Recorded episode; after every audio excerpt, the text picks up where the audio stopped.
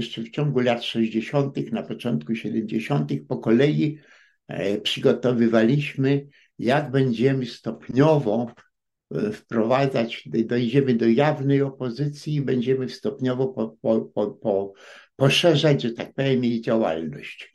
Poczynając od praw człowieka, a kończąc już na rozmaitych politycznych kwestiach. Jedna z takich kwestii, która dla nas była ważna, to była Ukraina. Jak powstała Konfederacja, powoli żeśmy coraz nowe rzeczy ogłaszali i wysłaliśmy Macieja Strąg-Bielińskiego, e, żeby nawiązał kontakt z Ukraińcami bezpośredni. E, nie, nie chcieliśmy żadnego kontaktu w Polsce, ponieważ chcieliśmy się z tym, że mniejszość ukraińska w Polsce jest inwigilowana podwójnie przez Sowietów i przez UB. I, tutaj trafić na kogoś E, kto działał w tej mniejszej, w, w granicach tej mniejszości, no to groziło, że trafimy po prostu na agenta sowieckiego czy, czy PRL-owskiego. I Maćka wysłaliśmy, żeby nawiązał z nimi kontakt w Niemczech, ponieważ wiedzieliśmy o tym, że, e, że w Niemczech największa jest ta polityczna emigracja ukraińska. Z tym, że on miał w istocie polecenie nawiązania z petlurowcami, z ludźmi petlury, którzy współpracowali z Polską. Po, po, po przyjeździe, po przyjeździe na, do Niemiec, jak zaczął szukać petlurowców, to się okazało, że nie ma petlurowców już, bo już wymarli. E, natomiast ta jest, są nacjonaliści ukraińscy, ale ci nacjonaliści ukraińscy, którzy byli w Niemczech, nie są nacjonalistami e, tymi samymi od Wołynia, a poza tym, będąc przez te parędziesiąt lat e, w kraju demokratycznym, siłą rzeczy Y, stracili cały taki nacjonalistyczny regionalizm i została im tylko walka o niepodległość Ukrainy. Już wcześniej wiedzieliśmy o, o rozmowach Grota Roweckiego, Steczko, y, którzy siedzieli razem w obozie i prowadzili rozmowy i dochodzili do jakichś powiązań, to wszystko wiedzieliśmy jak przyjechał to Maciek, to jeszcze żył Steczko i Steczko przedstawił mu ich plan. Ich plan był y, bardzo y, prosty. Mamy dwóch wrogów. I Polska i Ukraina mają dwóch wrogów. Główny wróg to jest Rosja, a dodatkowy wróg, który chce zresztą wykorzystać Ukraińców, to są Niemcy. Polska jest w takiej samej sytuacji jak my, i, I musimy wszystko zrobić, y, żeby się porozumieć z Polską. Y, próby, żeby się, y, żeby się porozumieć z Polakami, podejmowane zresztą w Londynie, nie spotkały się z żadną odpowiedzią. Odwrotnie, raczej, raczej była duża niechęć. Te pierwsze wiadomości, które od Maćka mieliśmy o jego rozmowach ze Steczką, Zresztą okazało się, że on jeszcze przed wyborem Reagana na prezydenta e, akurat poznał Reagana i byli w dość bliskim związku. To znaczy, że jak nawet Reagan potem został prezydentem, e, to się parę razy co najmniej e, spotykał z, ze Steczko. Steczko siedział głównie w Monachium, ale parę razy w roku jeździł do Stanów Zjednoczonych. Dało to między innymi taki efekt, że jeden z czołowych a, ambasadorów amerykańskich to z nadania wsteczki, który przekonał Reagana, e, był po prostu Ukraińcem. Takim Ukraińcem, który udawał Amerykanina. Jego, jego córka, którą dobrze znałem, e, była wysoką, jako młoda dziewczyna była wysokim urzędnikiem w Departamencie Stanu i umiała świetnie język polski. Mówiła świetnie językiem polskim. I teraz Maciek nawiązał tam pierwsze kontakty, ponieważ Maćka zaczęli osaczać jacyś agenci PRL-owscy czy coś, to Steczko mu załatwił, co wcale nie było prostą rzeczą.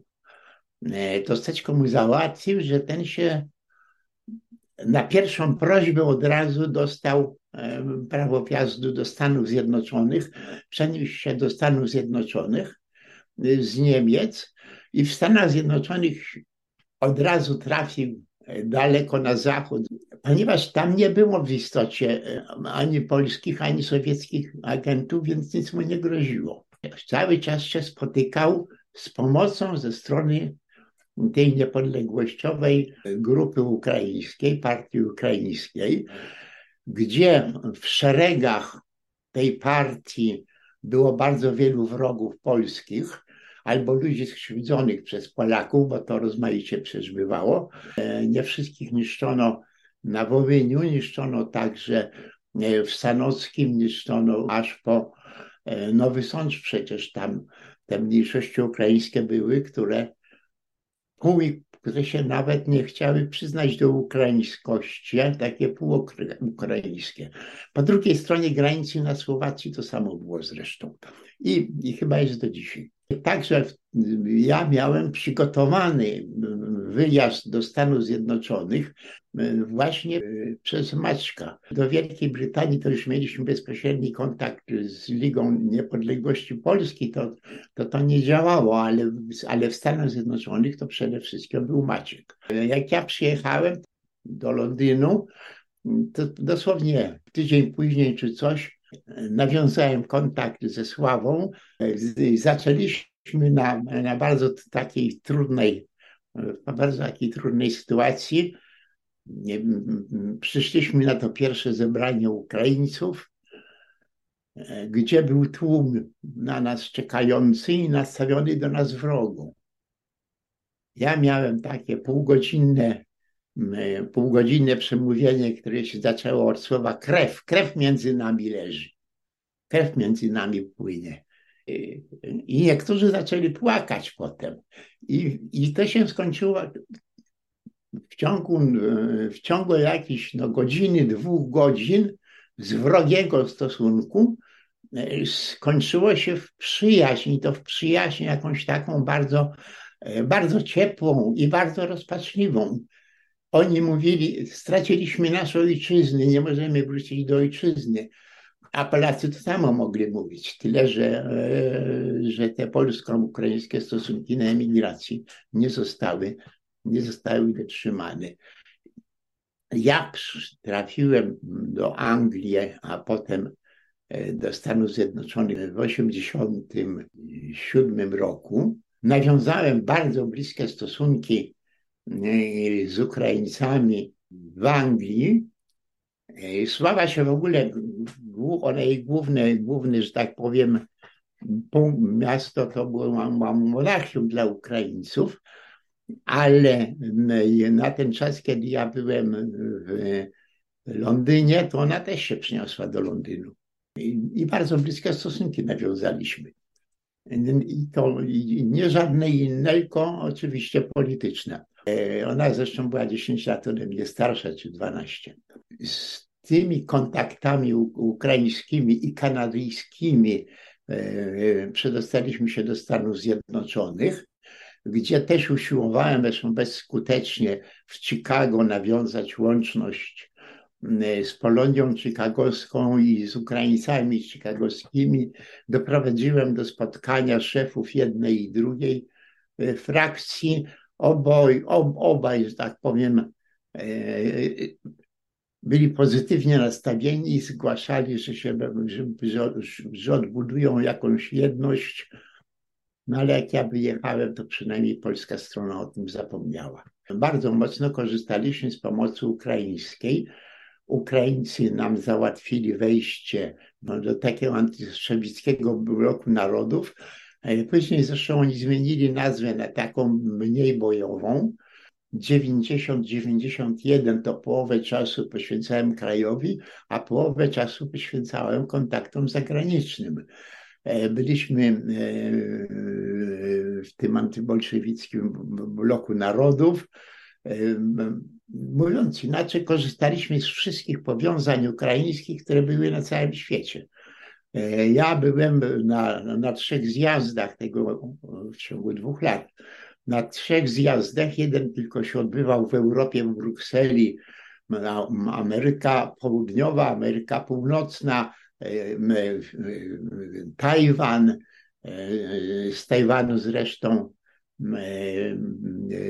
przewieziono nas na wysepkę przy, przy samym wybrzeżu Chin odległość 1800 metrów, e, wysepka zamieniona na fortecę, e, prawie zdobyta wcześniej przez ludowe Chiny, ale ludowe Chiny zdobyły powierzchnię, a pod powierzchnią była twierdza obejmująca całą wyspę i tak z tej twierdzy wybito wszystkich, e, wszystkich tych desanciarzy rządowych chińskich. To były bardzo ciekawe, ciekawe wizyty i równocześnie nawiązaliśmy wizyty z Sajdisem litewskim. Mieliśmy te kontakty, z jednym, najbliższe kontakty właśnie z emigracją ukraińską, Ukraińców krajowych i Ukraińców e, w Związku Radzieckim baliśmy się, bo nie wiedzieliśmy, kiedy tam trafiamy na agenta sowieckiego. Natomiast z Litwinami było, było trochę łatwiej z Salidisem. Także nawiązaliśmy kontakt z Łotyszami. Ze, ze nam się niestety nie udało. Coś w rodzaju polityki zagranicznej w tych latach, w tych latach prowadziłem. Po wyborach do Sejmu, w których odnieśliśmy bardzo duży sukces. Byliśmy trzecią co do wielkości partią w Sejmie. Przed nami była tylko, e, był tylko dawny KOR i przed nami e, był, była ta resztka komunistów. Otwierało to nowe drogi i moja, i moja aktywność międzynarodowa się w bardzo dużym stopniu zmniejszyła. Ja przedtem dwa czy trzy razy byłem na Ukrainie w Związku Radzieckim więcej. Po ogłoszeniu niepodległości pojechałem na Ukrainę. To akurat miałem kontakt na Sławę i Sława mówi, Liesiek, Liesiek, co to za ludzie? Spotkała się z nacjonalistami ukraińskimi e, na miejscu.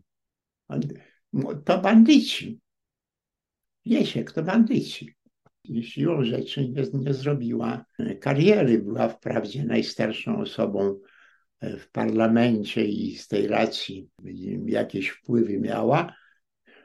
E, dzisiaj można przeczytać w literaturze, że e, przed rokiem 1990 żadnych Ukraińców, ani przybyłych z Zachodu, ani żadnych Ukraińców na Zachodzie nie było. Byli silniejsi niż, niż Polonia. Polonia była bardzo podzielona, e, oni byli e, bardzo zwarci. Naj, najbardziej zwarci byli zresztą w Kanadzie. Tam, ta, to, tam zupełnie to jak wojsko, że tak powiem, się zachowywali. Co się przekonałem na, na własnej skórze i na własnych oczach. Mieliśmy bardzo duże kłopoty, e, żeby nawiązać kontakt z ich Litwinami. E, próby jakiegoś kontaktu na emigracji od razu paliły z miejsca. E, Litwini w ogóle nie chcieli z nami rozmawiać, zresztą Polacy na emigracji też nie chcieli rozmawiać z Litwinami. Było to bardzo ciężkie, aż do momentu, kiedy ja jeszcze przed powstaniem, przed ogłoszeniem niepodległości Litwy, na przełomie lat 89-90, nie pamiętam w tej chwili dokładnie, pierwszy raz się pojawiłem, znaczy nie pierwszy, bo przedtem byłem parę razy i, i, i w okresie Związku Radzieckiego i raz chyba przed wojną, ale mm, tak, z takim poszukiwaniem politycznym po raz pierwszy byłem na, na Litwie mm, właśnie na przełomie tych lat, e, gdzie ani żadni, ani Polacy nie chcieli skontaktować z Litwinami, bo sami nie mieli tych kontaktów. będąc, była śmieszna historia, ponieważ działacze komunistycznej partii Litwy wewnątrz Związku Radzieckiego byli, pol, byli narodowości polskiej albo narodowości litewskiej. Jako członkowie Komitetu Centralnego współpracowali z sobą, ale jak wychodzili z gmachu Komitetu Centralnego, to już nawet się nie widzieli. Każdy był, każdy był inny. I, po, i potem je opowiadali po, Polacy posłowie i Litwini posłowie, później mi opowiadali, bo ci Polacy to oni nawet nie chcieli z nami rozmawiać, bo ci Litwini to z nami nie chcieli rozmawiać, a myśmy też nie chcieli ta pierwsza moja próba na pewno była nieudana. Druga próba niedługo potem, ale ona następowała nie na Litwie, nie w Polsce, tylko w Belgii. W tej Belgii Landsbergisa, czyli szefa Saidisu poznałem. Do dzisiaj pamiętam, ja stałem w kącie jakiejś wielkiej sali, z kimś tam rozmawiałem.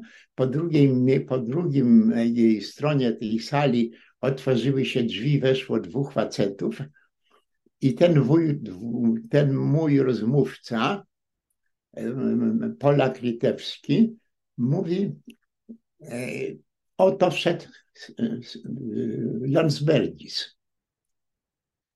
Polacy się śmieli, że na Litwie to oni się nazywają Landsbergisowie, a w Warszawie mają ciotki, które się nazywają bez końców e, tego nazwiska.